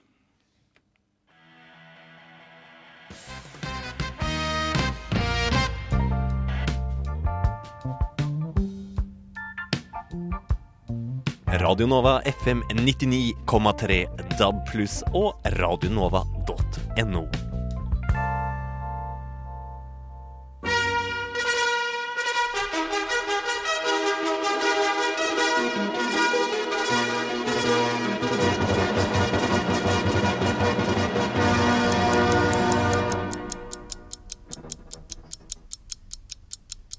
marsmåneden 2015 utlyste Ostepop Norge sine Facebook-sider om at de til en heldig vinner ville utdele deres vekt i Ostepops flaggskipprodukt Cheese Doodles. Retningslinjer for denne sosiale mediekonkurransen var å dele og kommentere på et bilde hvorfor de fortjente å vinne deres egenvekt i produktet. Vinneren av konkurransen var 24 år gamle Ole Morten Bøen, som meddelte denne kommentaren på sin Facebook-profil. Halla, ostepips. Jeg har akkurat blitt uh, diagnostisert med kreft, noe som er sykt utskill. Uh, men hvis jeg vinner denne konkurransen, sverger jeg på at alt jeg spiser resten av mitt nå forkortede liv, vil være ostepop. Under cellegiften gikk Bøen ned 30 kg, og da vinneren av konkurransen ble ferdigstilt, ble Ole Morten overrasket da han så på tallet mellom sine føtter i innveiingen på OLW sine hovedkontor. Jeg husker eh, fortsatt følelsen av å stå utenfor eh, kontoret til Aul nede på Bjørvika med en søppelpose med 36 kilo cheese pops. Jeg følte meg snytt da jeg ble med i konken, var jeg vel over 60 kilo. Og med hud, klær og ansikt fylt av ostepulver tilføyde Ole Morten også. Jeg tror ikke dette er Dette er ordentlig cheese doodles engang. Minner egentlig mer om Coop Extras avlange osteputer og Det kan godt være hele den der kreftgreia, men etter at jeg gikk over i denne doodle-dietten, har jeg følt meg ganske tom og grøtete innvendig. Vi oppsøkte Sajid Salam Sajad Hussein, daglig leder i OLW, Kims og Orklas distribusjonsselskap, som også opererer i dagligvarehandlere og IT-tjenestene Ostepop, Lime og Webservice, for en kommentar om de tidligere utleverte 36 kilo med ostepop. Ja, jo, eh, han ba jo om vekten sin i ostepoppers, og vekten fikk han. Nå er det bare å gomle løs, spør du meg. Vi her i OLW, vi sier aldri stopp, vi sier bare ostepop. Er det tomt i posa, så er det bare å åpne ny. Ostepop kan jo bli brukt så mye rart. Funker bra som ekstra ost på Dr. Ødkes Casa di Mama de Luxe.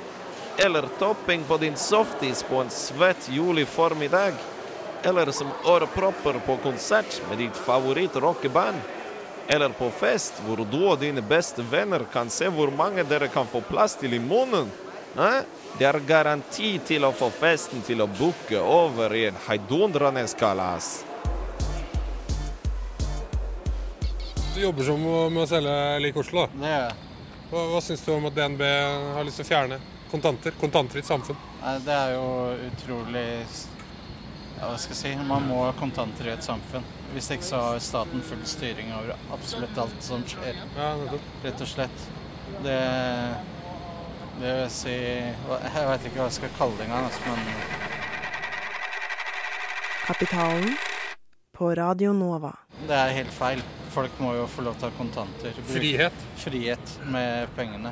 Jeg skjønner at de vil ha kontroll over, eh, over masse svart arbeid og sånne ting, men det er ikke riktig vei å gå, syns jeg. Det er personvernet du er bekymra for, da, eller Ja. er det mer andre ting? Nei, personvernet blant annet. Jeg syns de kan fjerne tusenlapper, det er greit, men ikke kontanter generelt. Ser du for deg at eh, en del sånn svakere grupper kommer til å bli beramma hardest av det her? Ja, vi som jeg ser det like Oslo, vi kommer til å bli ramma av det her. Da, greit, det finnes jo andre betalingsmetoder, men det er ikke alle av oss som selger annet, som har mulighet til å få bl.a. åpne en bankkonto. Har du betalingsanmerkninger, får du ikke åpne en bankkonto. Jeg skjønner jo hvis kontanter blir fjerna, så må jo alle få det, men det er ikke det letteste, altså. Nei, jeg det. Hva, hva, med, liksom, eh, hva med narkomane og, eller folk som trenger å kjøpe dop og sånn? Tror du de bare er helt fucked hvis det forsvinner? eller? Hva gjør man da, liksom? Eh, Ja, ja nå, kjøper, nå bruker jeg ikke rusmidler. Nei, nei, jeg men, ikke eh, Men jeg, tror jeg ser det for meg. De som trenger det, står med vips, liksom. ja, Det blir kaos til slutt. Det blir sånn byttesamfunn. Byttesamfunn. Ja. Det jeg syns det, det fungerer ikke, rett og slett. Enig. Jeg tror jeg skal plukke opp en sånn. Tusen takk. Ja. Hi man, what's your name? Name? Yeah. Vasily Ayun. And uh, you're a musician. Ayun, In saxophone. street- Saxophone in the streets. Saxophone. Have you heard about the, the Norwegian banks? They want to take away the cash. No more cash, only card. What do you think about it? Yeah. Yes. You think he's all right? Tom. No cash, but no work for you then. Sjablet saxophone også. No, the, the coins. No more coins. No more money, paper money, only digital. Qatar money. What do you mean? I know. I, I, I, bet you're against it. Or... No, that's an absolute penalty. No worries, man. Thank you. Hva heter du for noe? Jeg? De kaller meg Lars i gatene. Lars i gatene, hva, hva jobber du med? Vel, eh, jeg forveksler eh, Eller jeg liker å motta sedler. Imot bytte imot noen eh, produkter. Ja, jeg skjønner. Hva, hva syns du om at DNB har lyst til å fjerne kontanter? Nei, det går rett og slett ikke, altså. Jeg må, jeg må ha kontantene mine, så jeg ryker ut da. Hvorfor det? For da flasher jeg litt med penger, vet du. Kaster på bitchesene og nattklubbene og bestikker Securitas-vakten og du vet. Det er viktig. Det går an å bestikke Securitas-vakter? Ja, ja, de fleste. Fett. Det visste jeg ikke. Ok, Ja, men Så du er imot, da? Ja, jeg er helt imot det. Helt imot det. Takk skal du ha. Bare hyggelig. Det var da altså Lars i gaten, som jeg traff sammen med gjengen hans eh, borte ved Vaterlandsparken. Jævlig hyggelig type. I et eh, svært eh, murbygg som ser ut som eh, MI6 sitt eh, hovedkvarter, du vet fra James Bond, så ligger Norges største bank sitt, eh, sitt hovedkvarter, DNB, nede på Barcode. Skal gå inn og, og se om jeg, om jeg finner baren, rett og slett. Jeg er altså inne på DNB sitt hovedkvarter. Ja, jaggu meg fancy. En svær statue og greier. Skal jeg prøve å høre om en han kisen jeg skal møte, er klar. Hei. Jeg har en avtale med en som heter Even Westerveld. Ja, registrer deg på skjermene bak her. På skjermen, ja. Takk skal du ha. Her fant jeg en Kom ekstern kommunikasjon. Heter jeg driver med han fyren her. Vi se nå hva som skjer når jeg trykker på neste. Ønsker du tilgang til gjestenett? Nei, trenger jeg ikke. Fullfør. Mottakeren varsles nå om din ankomst.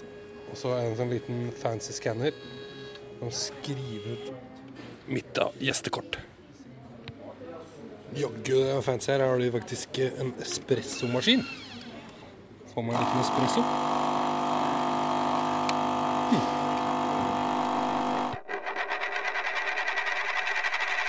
Kapitalen på Radio Nova. Ja, da er vi da er på besøk på i DNB.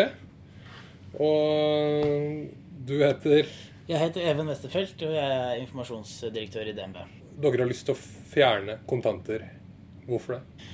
Vi ser jo at det er færre og færre som bruker kontanter. Så egentlig så er det jo eh, folk flest som eh, på en måte har drevet den utviklingen i stor grad. Eh, kontanter er jo i dag et uh, tvungent betalingsmiddel, som det heter. Mm. Det betyr at alle må kunne ta imot uh, kontanter. Men bruken av kontanter har gått så kraftig ned de siste årene at vi ser at uh, vi må ta diskusjonen om ikke vi skal rett og slett fjerne dem og på en måte gå over til et digitalt pengesystem. penge, system, da. Hvilke utfordringer er det som knytter seg til det her? Hva er det som, å fjerne det Se for meg det er mange ting som kan gå gærent. Altså, Vi er jo i dag eh, tilnærmet heldigitale. Vi er et av verdens mest digitale samfunn når det kommer til kontant, eller til penger. da. Eh, I dag er det egentlig bare Island som har høyere kortbruk enn Norge. Så vi er liksom på andreplass i verden, da. Eh, og det er jo fordi eh, det er enklere og det er sikrere, eh, stort sett. Og så er det selvfølgelig noen eh, problemstillinger som er viktige å ha med seg. Bl.a. personvern. Eh, hvis kontanter ikke lenger eh, blir mulig å bruke i butikkene, så er det jo noen som da i dag ønsker å bruke kontanter fordi de ikke ønsker å legge en spor. Ja, og det er klart det er et element som man må ta med i dette. Hva med kostnader? Er det dyrt å ha at vi har kontanter, eller er det billigere å fjerne det? Det koster ganske mye å ha et uh, kontantsystem uh, som er liksom uh, oppegående. Nå er det jo sånn at veldig mange av de pengene som er i omløp i dag, de har vi jo ikke kontroll på. De befinner seg enten i madrassene til folk, eller de er en del av en svart økonomi. Og hvis vi fjerner kontanter og gjør dem mindre tilgjengelige, så vil jo den svarte økonomien slite. Så dette er jo også sånn sikkerhetsmessig og samfunnsmessig noe som vil være veldig mm, positivt på mange måter. Eh, de aller fleste som betaler eh, svart, de gjør det kontant. Eh, Så et eh, tiltak kan jo være at man f.eks. begrenser eh, uttak av kontanter, eller at man eh, gjør det mm, ulovlig å betale med kontanter eh, for f.eks. hvis du skal kjøpe for mer enn 40 eller 50 000 kroner. Og et annet tiltak kan jo være å fjerne tusenlappen for å liksom bevege seg i den retningen. Nå får vi jo nye sedler. Nå får vi nye sedler, og tusenlappen er fortsatt med oss. Eh, Så enn så lenge så, så eksisterer jo dette side om side. Men av våre kunder så er det bare 6% som bruker kontanter daglig. Men å fjerne kontanter helt, eh, svart økonomi og sånn, vil ikke det først og fremst gå utover de, liksom, de svakere i samfunnet som bruker kontanter? Nå ser vi jo da at flere og flere bruker tjenester som VIPS eksempel, som eh, i deler av befolkningen på bare noen måneder har erstattet kontanter helt og holdent. Eh, Nå introduserer vi også VIPS for bedrifter og lag og foreninger. eh, Som betyr at du kan betale med VIPS når du skal kjøpe vafler eller er like Oslo. Og Derfor så tror nok vi at fremtiden også for det du vil på en måte kalle for svake grupper, eh, er digitale penger. Og faktisk så tror vi at sånn som VIPS vil kunne gjøre det lettere for veldig mange å samle inn penger enn det er i dag. Og vi har jo, vi som jobber med dette, vi ser jo eksempler hele tiden på f.eks. tiggere som har plakater med 'Vips meg penger' på telefonnummeret sitt. Oi, ja, det, det er nytt for meg, det skal jeg se etter. Uh, men det her med negativ rente, at vi beveger oss mot det, er det å fjerne kontanter, er det da en måte dere kan eh, tjene penger på? Med at folk ikke har eh, mulighet til å ha kontanter. Eller betale rente i banken?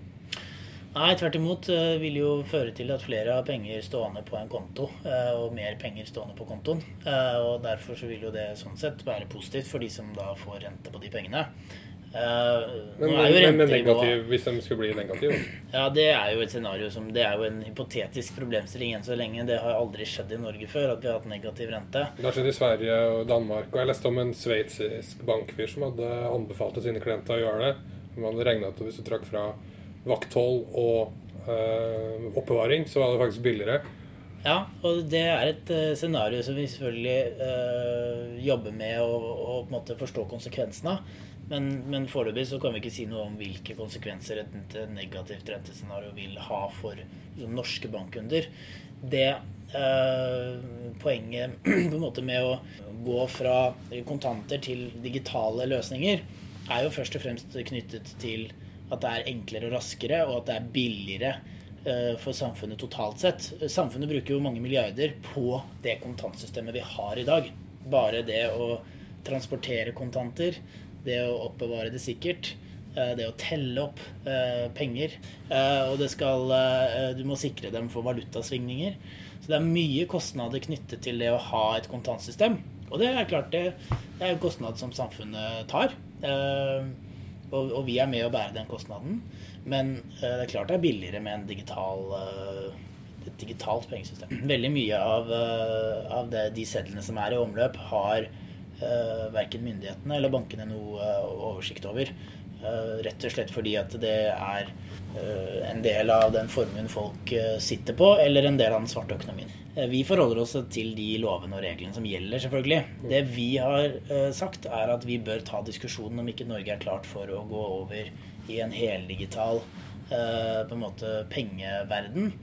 Eh, Når så få bruker kontanter, eh, og det er så høy utbredelse av kort og digitale løsninger, og når løsninger som VIPS eh, viser seg å bli så populære på så kort tid, eh, så tror vi at eh, Norge er liksom moden for den debatten. da. Et eh, siste spørsmål. Og I påska i fjor, tror jeg det var, da ramla vel betalingssystemene ned akkurat når folk skal handle før ferien og sånn. Hva, hva gjør vi hvis et sånt scenario skulle skje igjen? Altså, Kontanter er på en måte backup-løsninga til digitale systemet, da. Ja, og det er et sånt beredskapshensyn som jeg vet at eh, myndighetene er veldig opptatt av. At eh, hvis eh, det digitale skulle falle ned, eller internett bli borte, holdt jeg på å si, så i, i perioder så, ville, så vil man jo da miste muligheten. Nå finnes det jo løsninger for reserveløsninger med kort osv. uten at man har nettkobling, nettkobling akkurat der og da. Mm. Sånn at man er ikke helt låst. Eh, Men VIPS for eksempel vil jo ikke funke hvis man ikke har nettdekning.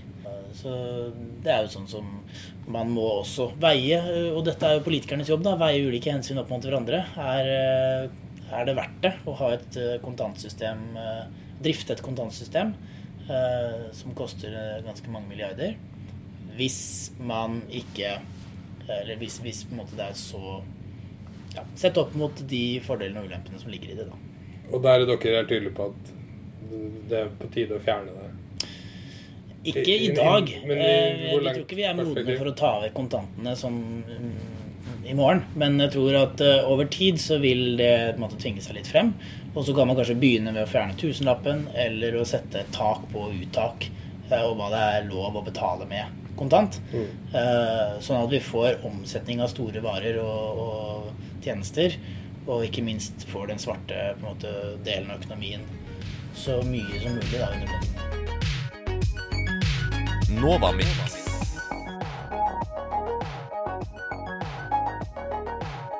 Du hører nå en podkast fra Radio Nova.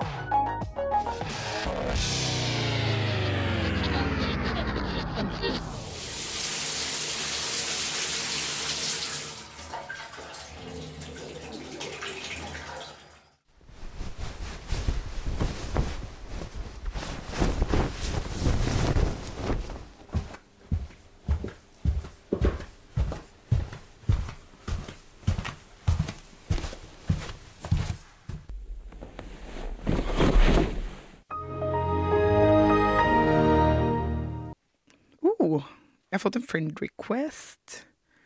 Lise Å ja, det er hun fra, fra fredag, ja. Åh, der er den kjolen fra Nelly igjen. Den dukker opp hele tiden etter jeg så på den forrige helg. Herregud. Og seriøst, nei, jeg vil ikke slanke meg. For kommer de med de tullreklamene for slankepiller hele tiden? Skal jeg ta et hint, eller? Jeg trener jo. Å, digg. New York tur-retur. Det hadde vært nice. Du har garantert opplevd å bli bombardert med reklameannonser på nettsteder som Facebook. Men hvem er det egentlig som velger akkurat hva du får se? Facebook har et eget team som hver dag jobber med nettopp dette. På Facebook florerer mange millioner annonser hele tiden. Men hver bruker blir bare daglig eksponert for et titall stykker i sin nyhetsstrøm. Med andre ord en ganske drastisk utvelgelsesprosess. For å velge hvilke nyheter vi blir eksponert for, har Facebook utviklet en algoritme. Målet er å velge ut de riktige reklameannonsene, og i tillegg presentere dem på riktig tid. Reklamene tilpasses altså hvert individ. Men hva er egentlig en algoritme, tenker du kanskje. For å få en datamaskin til å gjøre noe som helst, trenger man et dataprogram. Dette programmet forteller datamaskinen trinn for trinn hva den skal gjøre for å løse en oppgave. Det finnes flere former for algoritmer, avhengig av hva man ønsker å få gjort. F.eks. kan man sortere lister, alfabetisere eller velge ut passende informasjon til et bestemt formål. Fordelen er at algoritmer kan gjøre slike jobber lynraskt. Facebook-algoritmen baserer seg bl.a. på hva slags skole du går på, arbeidsstedet ditt, hobbyer du har, og hvor du bor. Ved hjelp av denne typen data kan algoritmen finne ut hvilke annonser som er relevante og irrelevante for nettopp deg. Vi sitter imidlertid fortsatt igjen med mellom 5000 og 7000 potensielle reklamer. Neste steg er å rangere disse 5000-7000 annonsene etter hvor attraktive de er. F.eks. vil annonser av høyere kvalitet prioriteres. De selskapene som betaler mest for annonsene sine, vil også bli prioritert. Balansegangen er å holde både brukeren og selskapet som reklamerer, fornøyde. Dersom en Facebook-bruker er spesielt aktiv på bestemte sider eller liker bestemte poster, er det større sjanse for at annonser som omhandler lignende temaer, vil dukke opp i brukerens personlige nyhetsstrøm. Med andre ord legger man bevisst eller underbevisst selv opp til hva slags annonser man eksponeres for. Facebook rangerer og velger også ut hva slags statusoppdateringer du får se, og hvilke venner som prioriteres. De fleste har flere hundre venner, så det sier seg selv at å bli eksponert for hva alle gjør til enhver tid, er overveldende. Facebook analyserer da hvilke statuser som har mange likes, og hvilken type kommentarer de har. En post hvor noen har kommentert 'gratulerer', rangeres f.eks. svært høyt, nettopp fordi slike oppdateringer ofte er viktigere enn andre. Vi kan altså trygt si at Facebook følger med på hva vi gjør, og derfor også vet hva vi foretrekker.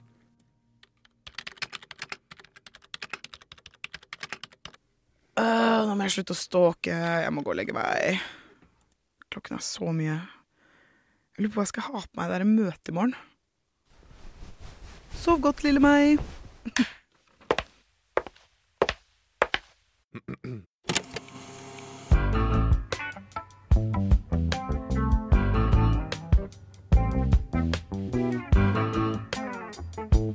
You're listening to Radio Nova.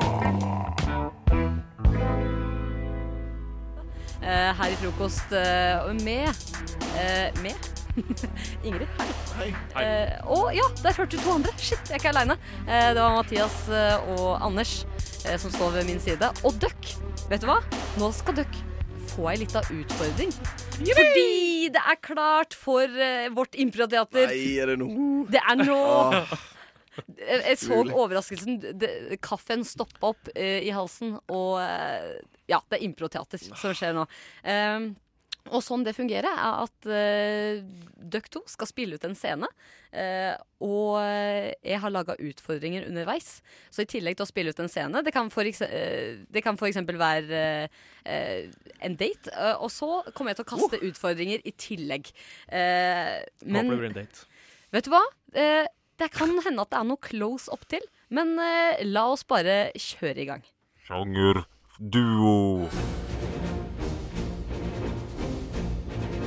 Møre-dialekt.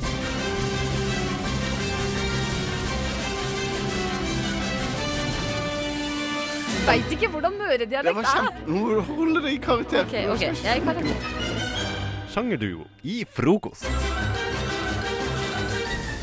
Og i dag, mine gode kamerater, så skal dere få lov å spille ut den flotte scenen at dere bor i et guttekollektiv, dere to aleine. Og nå kommer den dagen at dere må Er det et kollektiv hvis det bare er to stykker? Sorry for at jeg avbryter. eh, Om eh, Ja, da, det er jo det. Hva er det ellers? Eh, To samboere? Ja. Romantisk, det. Ja, jeg sa det var close up to date. Eh, men det dere skal diskutere, er at det har sett så jævlig ut på denne hybelen jævlig lenge. Nå må dere ta den store debatten om vaskevanene, ryddevanene på hybelen. Det er det som skal skje. Eh, jeg kommer til å kaste noen utfordringer på dere underveis. Eh, er dere klare til å ta debatten eh, om jeg så- vasking? Jeg er så jævlig klar. OK. Jeg er så gira. Vi begynner vanlig. Eh, dere begynner Ok. helt Helt vanlig. Vær så god. Anders! Det, der løp han forbi han eh, flotte roomien min. Ja, hei eh, Anders, nå har du bæsja ned doen igjen. Nei. Jo, altså, du gjør det hver onsdag klokka tre. Å ja, nei, det er hun som er med på hver, uh, hver dag etter. Ja, f- hver- ja, om natten, da. I dag. Ok, å, ja, ok. Eh, Du, ja, ok, så Ute hver, eh, ute hver tirsdag. Ja. Men uh, jo, det, jeg, jeg kan ta doen, altså. Det er Ja, ikke det hadde vært eh, veldig hyggelig, men uh. Eh, nå eh, skal dere ha Mikke Mus-stemmer. Jeg kan vaske doen! Ja, men Anders! Men hva om jeg tar kjøkkenet? Ja. Men du burde ta kjøkkenet, fordi du er den som roter mest på kjøkkenet. Ja, men på kjøkkenet er du jo bare, bare matminister, så jeg kan, jeg kan Jeg har en venn her, så jeg kan Pluto! Pluto! Pluto! Kan du vaske kjøkkenet for oss? Det var mye. Sier bare ok. Nå skal vi snike inn uh, quotes fra sangtekster.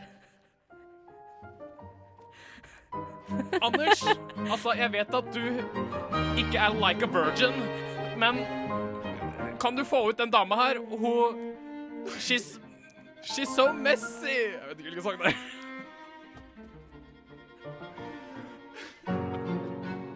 Anders! Anders! Anders, can you do it? Men kjøkkenet, altså du Se så tjukk du har blitt. Altså, du må jo ta og Nå må du ta og skjerpe Ja, deg men altså, Anders, eh, bare for å si det sånn på samme tone, liksom, så eh, Du er så glad i rumpa mi, så hvorfor kaller du meg så tjukk jeg har blitt? Så gå og rydd doen. Eh, kjempebra jobba. eh, dere får PMS. Kraftig PMS. Jeg kjenner ikke kvinnekroppen. Det vil rett og slett si du er irritert og hissig. Uh, Anders! Du rydder aldri! Anders! Anders! Å, herregud. Akkurat som var hjemme, dette. Ja, men, ja, men du må jo rydde, du også, da! Ja, men jeg kan ikke rydde hvis ikke du rydder! Jeg Er dette et forhold eller ikke? Jeg rydda jo i går. Jeg rydda også i går. Jeg tok en oppvaskmaskin. Siste utfordring. Eh, dere er nå nyhetsankere og sier alt som at det er nyheter. Ja, Mathias. eh, Du har jo eh, sporten i, i kveld. Ja, det stemmer, Anders. Eh, I kveld så virker det som om du har spilt eh, minifotball rundt over hele stua, og det ser veldig forferdelig ut. Over til deg, væranker. Også Anders. Ja, du, har et eh, rot kommende inn fra vest her. Eh, som kommer til å strekke seg litt ned under eh, Stad. Og eh, kanskje det blir litt eh, smuss på kjøkkenet. Bare tilbake til deg, Mathias. Ja, direkte inn nå. Jeg får inn at eh, doen Ja, den er fortsatt uryddig. Vi ønsker en fortreffelig aften. ja, men det er alltid Det var jo det eneste dere fikk til. Ja, nei. Ja, det, det var do som Pluto var jo kjempebra. Ja, ok, det var ganske det bra. var Ok. Pluto og M- mente jeg. Men de to Var det Mykke som- vi skulle være? Jeg var Pluto. Jeg, eller? Nei, det er ikke det. Ja, men Det er litt det samme. Men uh, de to andre utfordringene, som var liksom quotes fra sangtekster og Blanket helt ut på sangtekster. Jeg kommer ikke på én sang.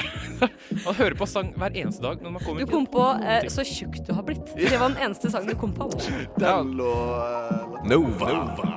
Nova. Nova Mix.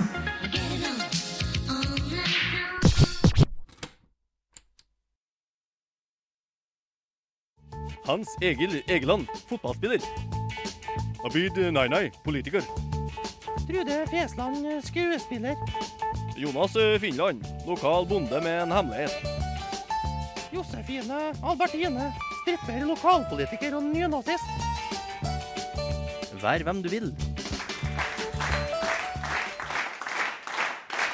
Det er jo en, eh, akkurat i dag en spalte som eh, Vanligvis kan man være akkurat hvem man vil, men i dag så skal vi egentlig bare se litt inn i framtida. Uh, året er Det er vel fortsatt ja, ca. sånn eh, 2022. Bård Hoksrud, du er statsminister. Hvordan føles det? Nei, Det er veldig godt. vet du. Det er, jo, det er jo kjempebra. Og med det laget som jeg skal få nå, så kommer dette til å bli kjempebra. For du har sittet nå mens denne låta gikk, og vi har printa ut et ark med navnet på en del av gjestene vi har hatt i dette programmet. Eh, og så har du sittet her og tildelt rett og slett ministerposter eh, etter fritt eh, ønske. Ja. ja. Det er vel en del internt i Frp som kommer til å bli skuffa eh, når denne regjeringa skal dannes. Ja, hvis ikke jeg, når ikke jeg fikk lov å bruke noen andre navn enn de her, så, så er det klart at dette er jo ikke så bra sånn sett. Altså, jeg er dårlig standing eh, i eget parti nå, da. Men, eh, men sånn er det jo. Det er, det er disse navnene jeg har å velge i. Jeg tror vel, hvis jeg skal Er det noen av disse som er medlem i Frp, da? Jeg tror vel kanskje ikke det. Nei, jeg tror ikke det er noen som jeg, ikke, som jeg vet om, i hvert fall. Nei. det er nok en del som er litt på høyresida. Skapmedlemmer. Altså noen som ikke har Men ingen er ute av skapet som Frp-medlemmer. Nei. Nei. Uh, jeg vet ikke, Skal vi bare, egentlig begynne å bare prøve å snakke litt rundt det? Hva, hva er inntrykket ditt av dette, Bård? Tror du Vil du få en bra det- regjering på plass? Det er i hvert fall en, variert regjering. Ja. Med varierte personligheter. Uh, men det er spennende personer, da. Ja. Så, så det er eh, Men, men jeg, jeg, fant liksom ikke eh, plass til alle, da. Nei. Så da får de være i staben min, de som jeg ikke har plass til. Men se, det er bare én som ikke har fått en plass der. Ja. Øh, Og det er sumobryteren. Det er sumobryteren. Ja. Men han er en god livvakt. Det er sant. Ja, riktig. Så det er jo liksom også Vi må Ja. passe på det. Så Kanskje sikkerhetsminister? Ja. Ja. Eller Stortingspresident. beredskapsminister, eller noe sånt. Men er det noen her som eh, Når du, du har da en liste med, med navn foran deg, var det noen som skilte seg ut sånn med en gang? Sånn han eller hun skal være det? Uh, Ja, ja, party, PC Partyfikser, det var jo kulturminister og partyminister. Han ble kult Ja, ikke Ja, sant? det var liksom Ja, det så. Det var det første du skrev. Det, det kunne ikke liksom være noen andre. Ja. Men det Uh, Og så tenker jeg litt sånn Per Fugleli. Han er helseminister. Han er, ja, ikke sant? Ikke ja. sant? Det er han god på. Ja, nettopp. Ja. Eh, eh, og så tenkte jeg Charter-Svein. Det må være en god utenriksminister å sende ut. Jeg liker Han liker jo han liker å være i utlandet. Å, jeg liker den regjeringa. Min type regjering. hvem skal vi ha som utenriksminister? Vi velger en som liker å være i utlandet. eneste krav, eneste krav.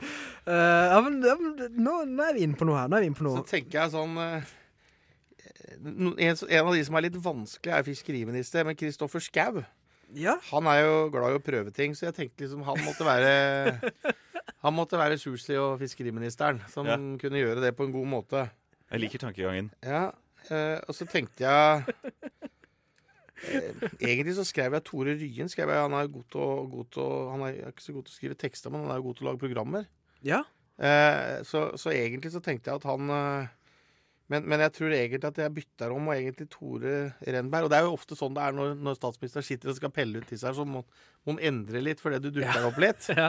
Men Tore Renberg han, er- han er jo en god forfatter, og, og han burde jo da egentlig bli taleskriver.